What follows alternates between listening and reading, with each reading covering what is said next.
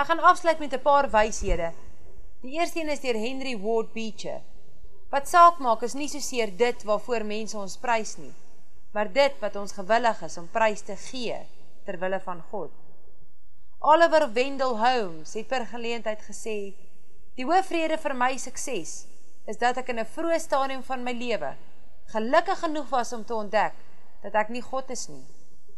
William Carey, as jy aan jou kind die heel heel beste in die hemel en op die aarde wil gee, gee hom of haar prys aan God se wil vir hulle lewe. Charles Kettering, niemand sou ooit die oseaan oorgesteek het as jy in die middel van 'n storm van die boot kon afklim nie. Benjamin Franklin het gesê as Columbus omgedraai sou niemand hom kwaadlik geneem het nie. As hy het, sou niemand hom onthou het nie. Winston Churchill se mees bekendste sê ding was moet nooit moet opgee nie. Nooit, nooit, nooit nie. Nie in die groot dinge nie en ook nie in die kleintjies nie. En as jy ingee, moet dit net wees op grond van beginsels of gesonde verstand. Sluit af met William James wat per geleentheid gesê het: "Die groot doel van jou lewe is om dade te doen wat langer as jy sal lewe." 'n Oorlog, 'n avontuur en 'n skoonheid. John Eldridge skryf in sy boek Wild at Heart dat elke man drie dinge in sy lewe nodig het. He needs a battle to fight, an adventure to live, and a beauty to rescue. As een van hierdie dinge in 'n man se lewe kort skiet, dan weet hy dat hy 'n hartsbegeerte het en iets in sy lewe is nie vervuld nie. Maar jy kan net nie jou vinger daarop lê nie. Dit word genoem passie, meneer, in drie areas van jou lewe wat jy brood nodig het in jou lewe. Mans gaan heel eers na oorlog toe.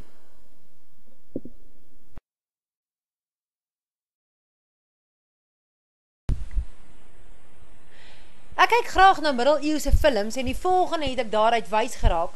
Wanneer soldate vir 'n oorlog saamgetrek het, is hulle na 'n aangewyse oorlogsveld toe. Elke land het sy eie klere, vlag of banier en trompetblaser. Dit werk ook so dat die land wat oorwin die ander land se vlag of banier afneem, op die hoogste heuwel gaan staan en dan die oorwinningskreet uitskree. Wanneer 'n man rappie kyk, gaan hy nie TV-kamer toe nie. Hy gaan battlefield toe. Hy verteenwoordig 'n spesifieke land. Let op wat het hy aan? Dis die klere van die land wat hy ondersteun. As mans na rugby stadions toe gaan, kom hulle terug met stickers en 'n T-hemp en 'n hoedjie. Dis nie sommer net speelgoed nie. Dis die banier. He went, he fought, he conquered and he bought the T-shirt. Om hoop te hee is beslis die lekkerste ervaring wat een mens enige ander mens, vooral vir jou kinders, kan gee. At Lord of the Rings Two Towers staan Aragorn, een gewone kruisman, wie nooit sy geboorterecht opgeëis het nie, in een kasteel met een machtige vijandskap net buiten kan die deur. Die skrif is aan die muur. En hy weet, niemand is meer veilig in die kasteel nie. Daar is eindelijk geen manier dat hulle kan wen nie.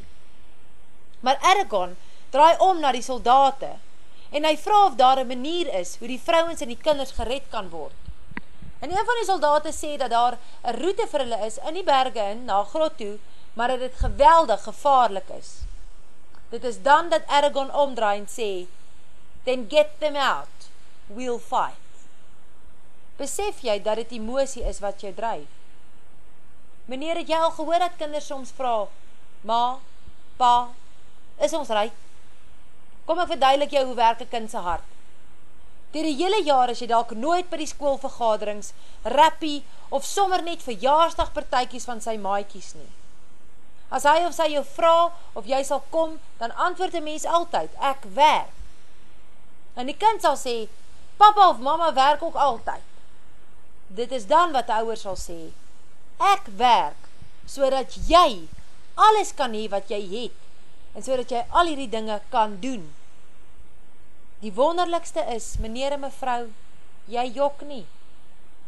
Jy is rechtig eerlik met jou kind. Aan die einde van die jaar wil die kind weet of is jylle reik, en een ouwer antwoord, nee. En hierdie kind is verstom, want hy die hele jaar tyd afgestaan, so dat sy ouwers kon werk en hulle rijk kan wees, maar hulle is het nog steeds nie. Jou kind meet nie rijkdom aan geld nie. Maar of jy bereik wat jy beloof het, en hy het al die tyd wat hy gegeet gemors, van dit het tot niks gekom nie. Wees versichtig wat jy kinders beloof, vir enige mens beloof. Kinders soek ook wins terug op hulle inzette. Hulle het tyd gegees so dat jy kan ryk word en jy dit nie gekry nie. Met ander woorde, dit wat hulle gegeet is vermors. Ons sien is 7 en ons is dier hier die selle vraag en ek het om toe hy my gevraad in my arms gegryp en na die kombuiskast toe gehardloop, dit oopgerik en gesê Boeta, ons is loaded. Ons is skatrijk. Hier is meer as twee koppies in hierdie kas wat by julle pierings pas. Maar dis nie al nie. Ons het nog vir jou en vir Sissa ook. En dis die heel dierste goeders in hierdie huis. Hy was so tevrede met die antwoord, dat hy al oor vertel het, dat sy ma en pa rechtig ryk is, want hulle het kinders. Oorloe in die middeleeuwe en vandag verskil van mekaar. Toch is dit nog so die selfde. Die selfde ding wat mans jare teruggedrijf het om te veg, is dit waarvoor hulle vandag nog veg. Die moendlikheid dat daar een toekomst vir een nageslag is. Die moendlikheid dat daar hoop is. In die middeleeuwe het een man na oorlog toegegaan en as hy teruggekom het was hy vol bloed en spoeg en stof en vrou, het, vrou lief het om gelawe en gedokter. Sy kon fysisk sien dat hy geveg het. Vandag is dit een bykie anders. Vandag verstaan ons vrouwens nie die opzet nie. Want sien, ek as vrou speel een paar rol in die huis. En een vrou leef een baie fysische bestaan. My eie man is bijvoorbeeld een penpusher. Hy stoot een pen van links na rechts vir een lesenaar. En vanavond kom hy by die huis.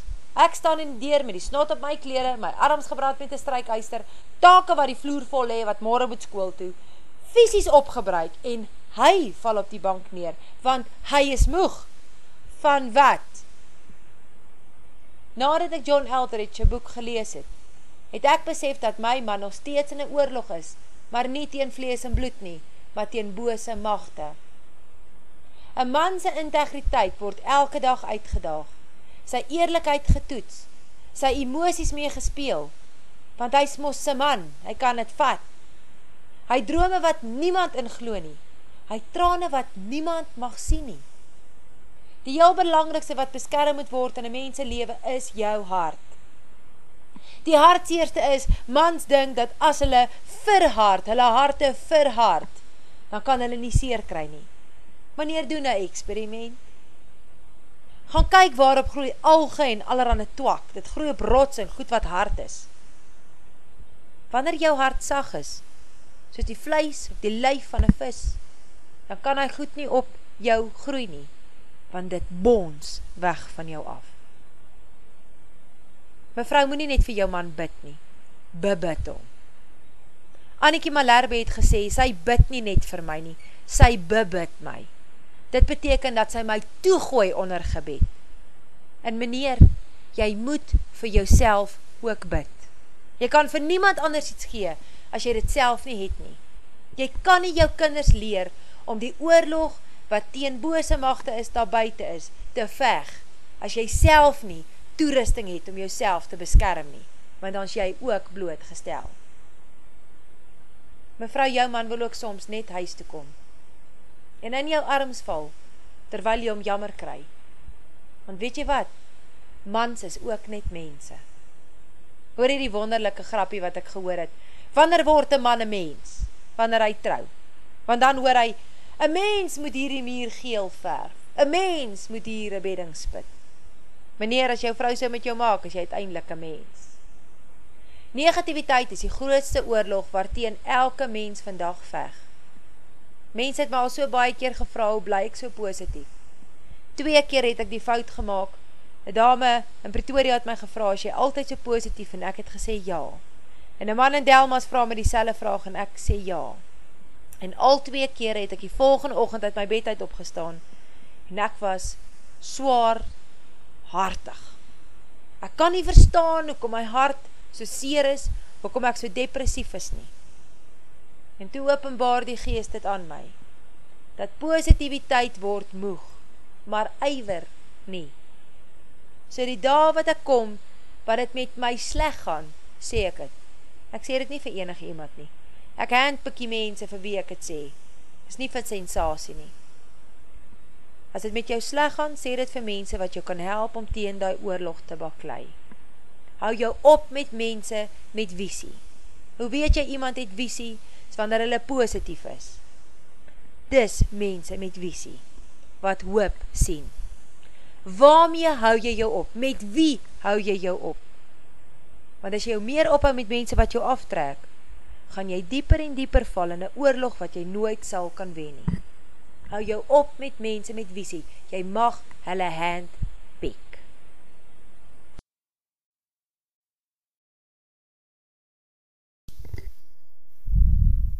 4 by 4 is baie gewild onder mans.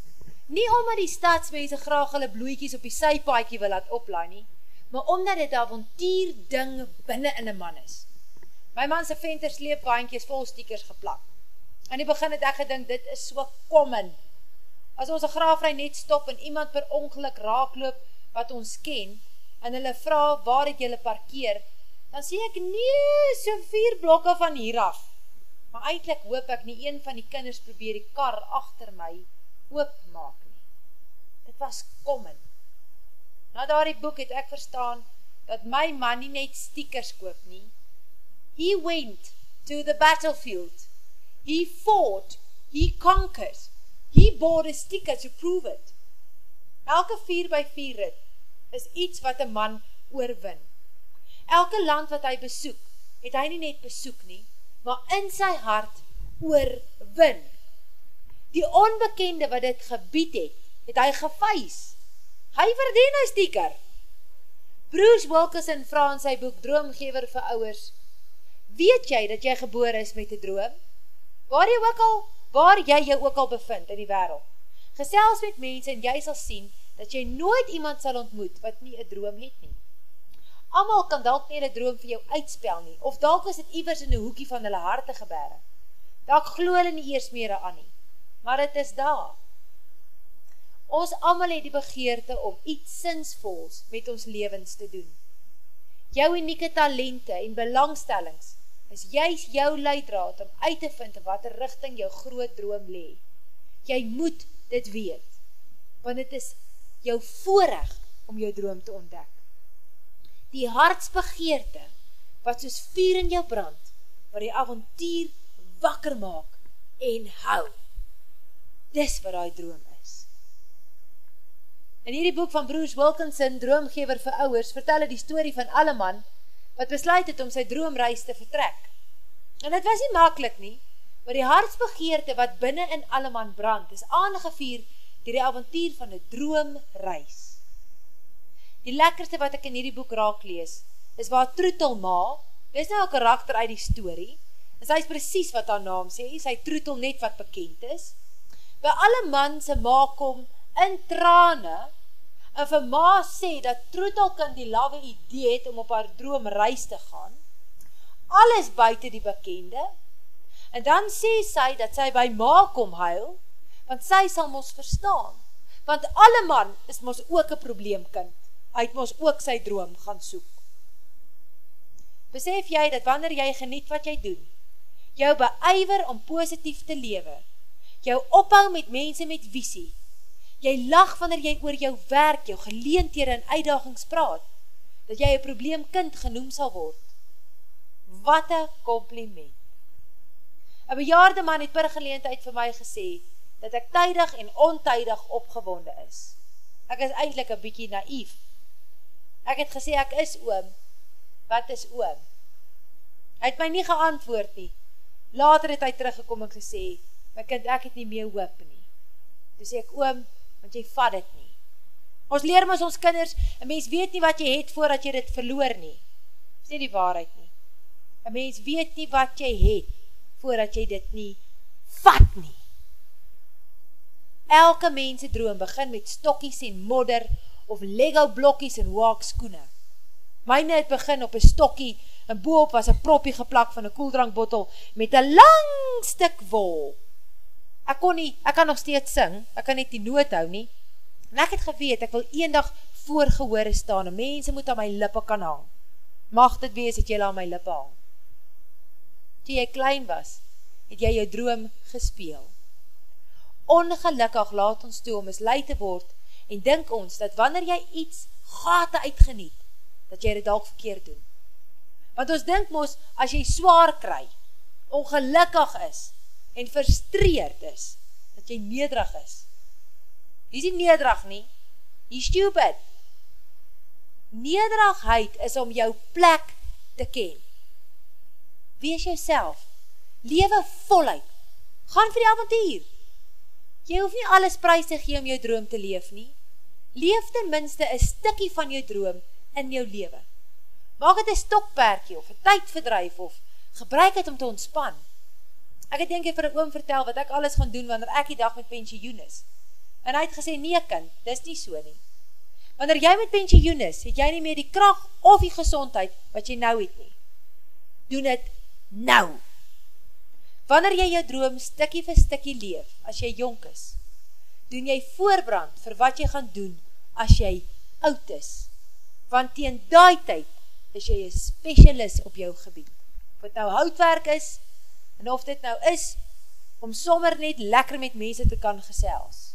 Jy gaan een specialist wees. Dit is een voorrecht om deel te wees van ons kinderse drome en avontiere. Persoonlik self het ek een groot fout in my leven begaan. Ek het elke dag my kindse tas vir haar uitgepak as sy van die school afkom. Haar boeken een vir een deurgegaan om seker te maak sy doen al haar huiswerk die ou bloeitjie moet net nie in die moeilikheid kom nie. En sy het al vir my gesê, dat ek haar asjeblief in die middag moet los met haar huiswerk. Sy sal sê, sy my nodig het. Ek was redelijk verpletter hier, oor. Totdat ek Dr. Cloud en Dr. Townsend sy boek getitel Boundaries gelees het, Grense. In die boek vertel hulle die verhaal vir een 25-jarige seen, wat dier mekaar is met verkeerde vriende. Hy is al in die derde college, want hy want by die ander twee het hy nie recht gekom nie. Hy is een dwellingverslaafde. Sy ouwers maak een afspraak om die dokter te gaan sien, en met aankomst is die sien nie saam nie. En die dokter vraag, where is your son? En die pa antwoord, he didn't come along because he says he doesn't have a problem. En dis toe wat die dokter vir hom sê, well, tell me about him, maybe he doesn't have a problem. Die pa was nogal geskok, want die dokter was voorbereid op hierdie kindse lewe, En hy was baie geskok oor die dokterse reaksie, want sy sien het groot probleme. En die pa vertel, dat hulle alles in hulle vermoe gedoen het, om hierdie kind die beste opvoeding te gee. Hulle het om met alles bygestane gehelp. Sy probleme vir hom uitsorteer. Toe hy nie recht kom met die mense by die college nie, die pa die moeite gedoen om hom te skuif, so dat hy gelukkig kan wees. Hierdie pa het my baie myself laat dink. Ek sal alles in my vermoe doen, dat het met my kinders net goed kan gaan. Ek doen amper my kindse huiswerk namens haar. Ek sorg dat die tas gepak is. Ek sorg dat sy nie haar kos by die huis vergeet nie. Ek stres meer oor die take wat op die kas vergeet te bly as sy. Terwyl hierdie pa alles in hierdie boek vertel vir hierdie dokter, wat hy in sy leven al vir sy sien gedoen het, en hy nie weet wat hy dan verkeerd gedoen het nie, het my hart uitgegaan na hierdie pa toe. Die pa het gesê, dat financieel is hierdie kind goed voorsien, want hy het nie nodig om te werk om extra boeken gelde of onkostes te dra nie. Dit is makkelijk om te sê, dit is geld te skuld. Dit is nie. Waar die dokter om geantwoord het, het my tot my sinne geruk. Die dokter sê vir hierdie stikkende pa, your son is right, he doesn't have a problem. Toe moet jy die pa sien. Hy was redelijk geskok en sommer vies vir die sogenaamde dokterkie. Die dokter verduidelik toe aan hom, dat die kind weet, dat wanneer die op die fan strike, sy pa en ma sal ingryp. Hy sal nie sy tas, take, of kos by die huis vergeet nie, want hulle gaan het vir hom bring. Hy sal nie nodig hee om te verduidelik as huiswerk nie voltoois nie, want sy ma kyk ons elke dag of dit reg is of nie. So hy worry nie daar of iets gedoen is of nie, as hy ma gesê het is gedoen, is het gedoen. Hy hoef nie te onthou van afspraak en sport by eenkomste nie. Sy ma teken het aan en vat hom. Hierdie kind het geen verantwoordelikhede nie. Wat die dokter vir hierdie pa gesê het, sal my altyd bybly. Hy het vir hom gevra, Sir, would you like me to help you, to help him, to have some problems?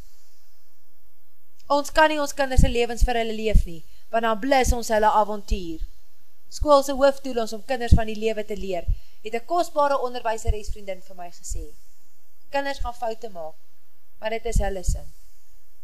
Ezekiel 18 vers 20 maak het baie duidelik dat een kind nie vir sy ouwerse foute sal boet nie.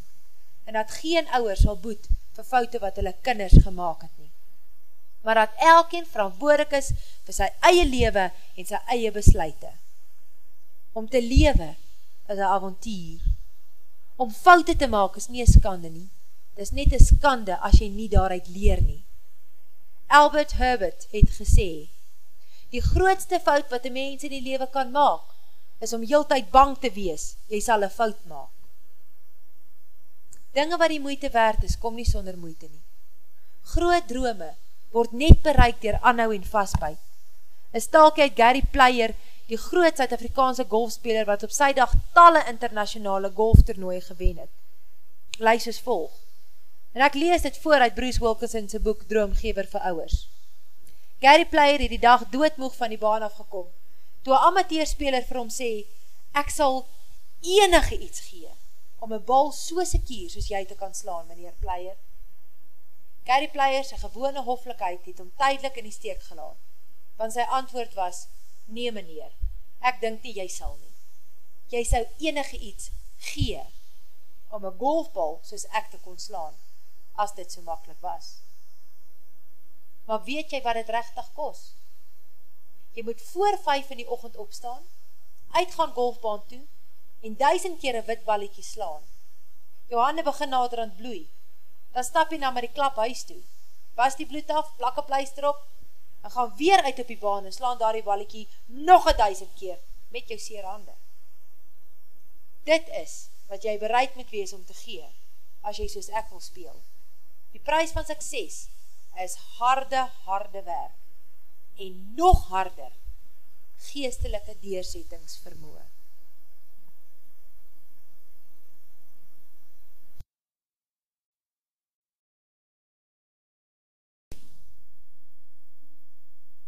Een man van die kerk kom besoek ons by die huis jare terug. Hy haal een paar dinge op waarmee ek verskil en ek sê dit ook vir hom. En die man, baie ouder as ek, sê toe ek moet asjeblief my mond hou, want ek is een vrou en ek het nie eers hoed op my kop nie. Dis het ek nie recht om te praat nie. Dit staan in die Bijbel. My man het vir die man gesê dat hy nie so met my mag praat nie, dat hy asjeblief moet loop. Eerlijk was daar nou toe een bykie spanning tussen ons en die man. Dit het my natuurlijk baie gepla. Maar die ene wat ek nie wil wees nie, is een vernedering vir my man en om ander mense ongelukkig te maak wanneer hulle my huis binnenkom. Ek het een stuk gaan opzoek, het staan in die feestheers. Terwijl ek het lees, openbaar die geest die wonderlikse openbaring aan my, tref my tussen die oor. God sien ons in die geest, nie in die vlees nie. Wanneer daar gepraat word van een bedekking op een vrouwse kop, is het haar manse seen, waarna verwijs word. God is die hoof van die man, en die man is die hoof van die huis, en die vrou is die manse onderdaan. Een onderdaan is iemand wat bemoedig, dra, raad gee, bebid. Wanneer een man nie sy vrou beskerm nie, kan hy ook nie red nie. Your beauty to rescue. Die hoofddoel om iemand te red, is om te sorg dat hulle geen skade sal aangedoen word nie.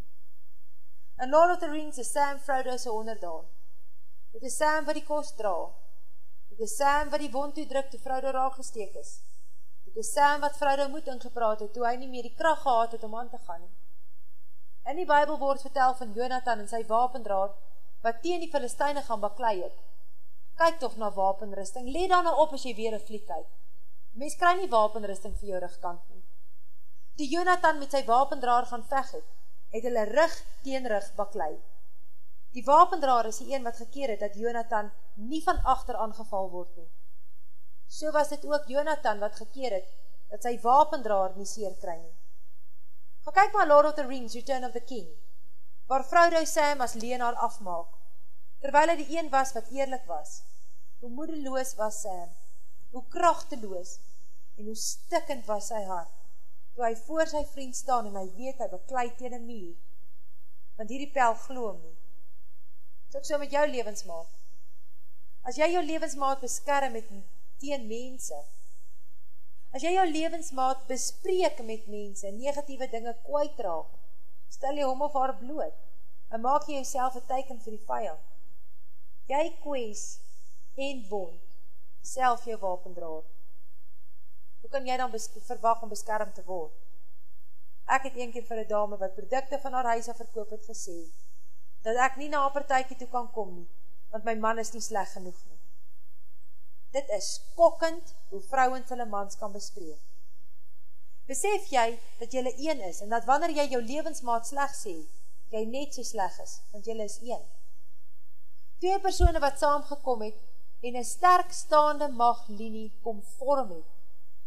En wanneer een van hierdie mense in hierdie linie gekwes word, is die beskerming minder.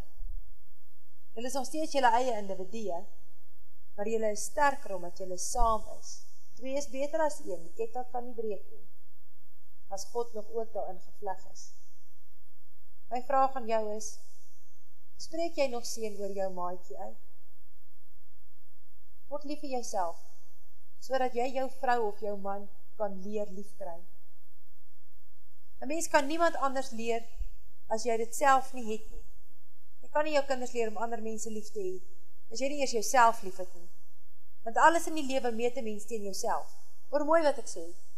Word lief vir jouself, nie verlief nie. Wanneer 'n mens verlief is, het jy skille op jou oë en die ander persoon kan net niks verkeerd doen. Wanneer daardie persoon jou teleurstel en skille van val van jou oë af, is daar net geen ruimte vir verbetering nie.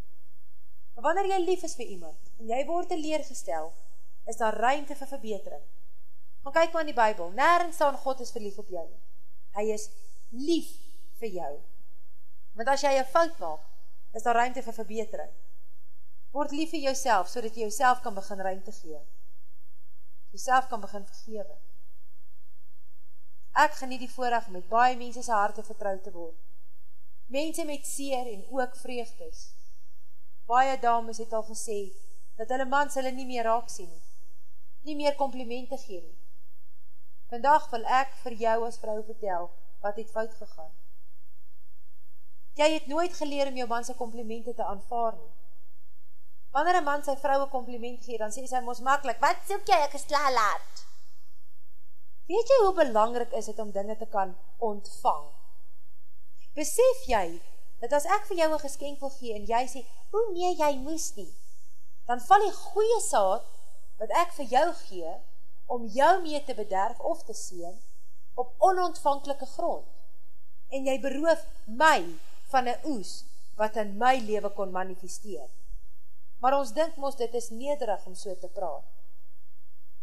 Wanneer jou lewensmaat ophou om komplimente vir jou te gee, dan is dit omdat jy jare terug die goeie saad wat gegee is op onontvanklike grond laat val het. En niemand kan 'n oes kry nie. My raad aan mans is wanneer jy jou vrou komplimenteer en sy sê: "Ag man," dan sê jy: "Vrou, hierdie is goeie saad en ek soek 'n oes. Gee dit water." Sê dankie. Doen dit sommer met ander mense ook. Skoonhede daar buite. Wees ontvanklik vir jou man se komplimente. Dit is energie wat hy gee. En energie is 'n duur item vir 'n man. As jy aanhou om dit terug te gee, gaan hy ophou om dit te gee.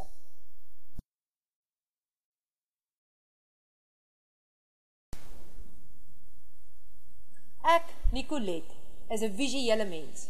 Wanneer ek lees van oulike idees en wenke, sal ek dit nie net oor vertel nie. Ek wil hulle eers probeer.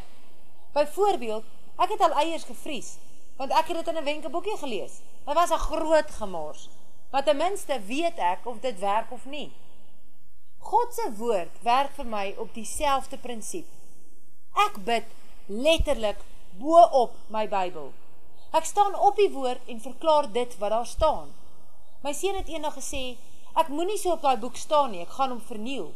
Maar ek het net gesê, Boeta, ek gaan hierdie boek gebruik terwyl ek kan. Mense het al vir my gesê, ek moet dit nie doen nie, want dit is 'n heilige boek.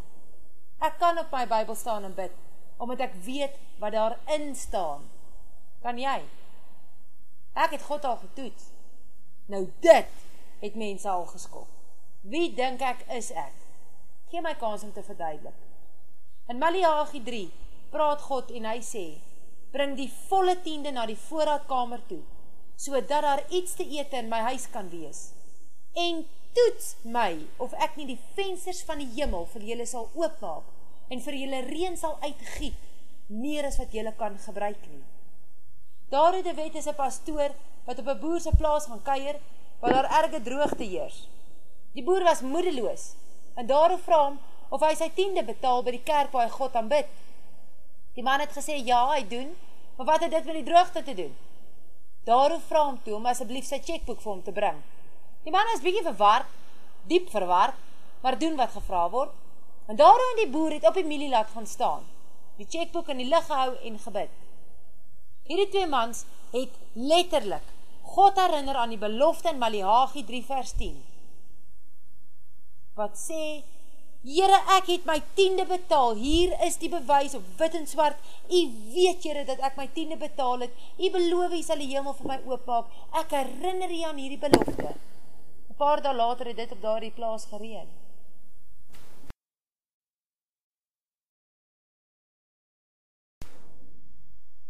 Die Bijbel is vol beloftes vir my en jou. In Joosja 1 kry Joosja opdrag om uit te voer, en dit was nie makkelijk om Mooses' skoene vol te staan nie. God sê in Joosja 1 vers 5 vir Joosja, Solank jy lewe sal niemand bestand wees teen jou nie. Soos ek by Mooses was, so sal ek by jou ook wees. Ek sê jou nie in die steek laat nie, ek sê jou nie verlaat nie. Wees sterk, wees vastberade. Wees vooral sterk en vastberade aan Godse wil. Dan sal jy verspoedig wees, waar jy ook al gaan. Ek self, en dis God wat praat, gee jou die opdrag. Wees sterk, wees vastberade. Moe nie bang wees nie, want ek, die Heere jou God, is by jou, ooral waar jy gaan. Partij mense sê, hulle vertrouw God, ander sê, hulle toets God. Dit is precies die selfde. Kom ek teken vir jou een prentjie. As ek en my man saam sou bergklim, en ek staan op een lysie, en ek weet, dat as ek die bosie waarin ek klauw sou los, gaan ek val. En my man steek sy hand uit en sê, vertrou my, sê hy eindelijk, toets my of ek vir jou sal jok. My man sien hoe bang ek is, hy is nie onkundig oor my vrees nie. God sien hoe bang ons is. Hy ken ons harte. Jy kan maar eerlik wees met hom. So makkelijk hoor ons die raad, dat wanneer iets sleg in jou leven gebeur, jy nie mag vraag hoekom nie sê wie? Weet jy dat jy God nie kan skok nie? Jy kan maar vraag hoekom. Wat belangrik is, is dat jy wacht vir een antwoord. En dit kom op die mooiste, interessantste, vreemdste maniere na jou toe. Soms een gedachte, soms dier ander mense, en soms dier woord. Ons kinders bou met my en wijn. Een verhouding dier te vraag hoekom. Hoekom gee hulle ons kos? Hoekom het julle ons lief? Hoekom straf julle ons? Hoekom? God wil met jou ook een verhouding bou. Hy sit met een met een afwachting dat jy moet kom. Hy sit nie met een stok om wacht om jou te wiks nie. Lees Jesaja 30 vers 18. Daar staan, toch is die Heere gretig om julle genadig te wees en wil om oor julle ontferm. Die Heere is een God wat rechtlag geskiet en het gaan goed met elkeen wat op hom vertrouw. Laat my denk aan die vers wat in spreke staan, die een wat sy sonde belei, sal genade ontvang as hy dit aflee. Spreke 8 vers 17 sê, waar God praat, ek het die lief wat my lief het, die wat my soek, vind my. God het nie oorloosie nie, ons het om oorloosie gaan gee. God kyk nie of jy 10 minuut of 3 dae lang kom nie. Hy wacht dat jy kom. Hy wil jou alles en vir altyd vir hom hee. Die selfde God wat Mooses en Joshua aanbid het, is die selfde God wat ons vandag aanbid. Hy is nie een mens dat hy vir ons sal jok, of 'n brander wat heen en weer beweeg nie. Sy woord staan vas. Maak vandag net een belofte, jou eie. Begin by Psalm 23. Bid dit asof jy dit skryf. Sit jou naam daarin. Moenie net bid nie, verklaar woord in jou lewe.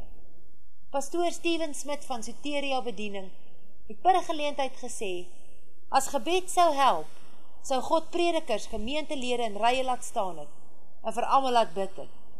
Maar dit is woord wat die verskil maak. Begin om woord te bid. Al is dit net een vers per dag.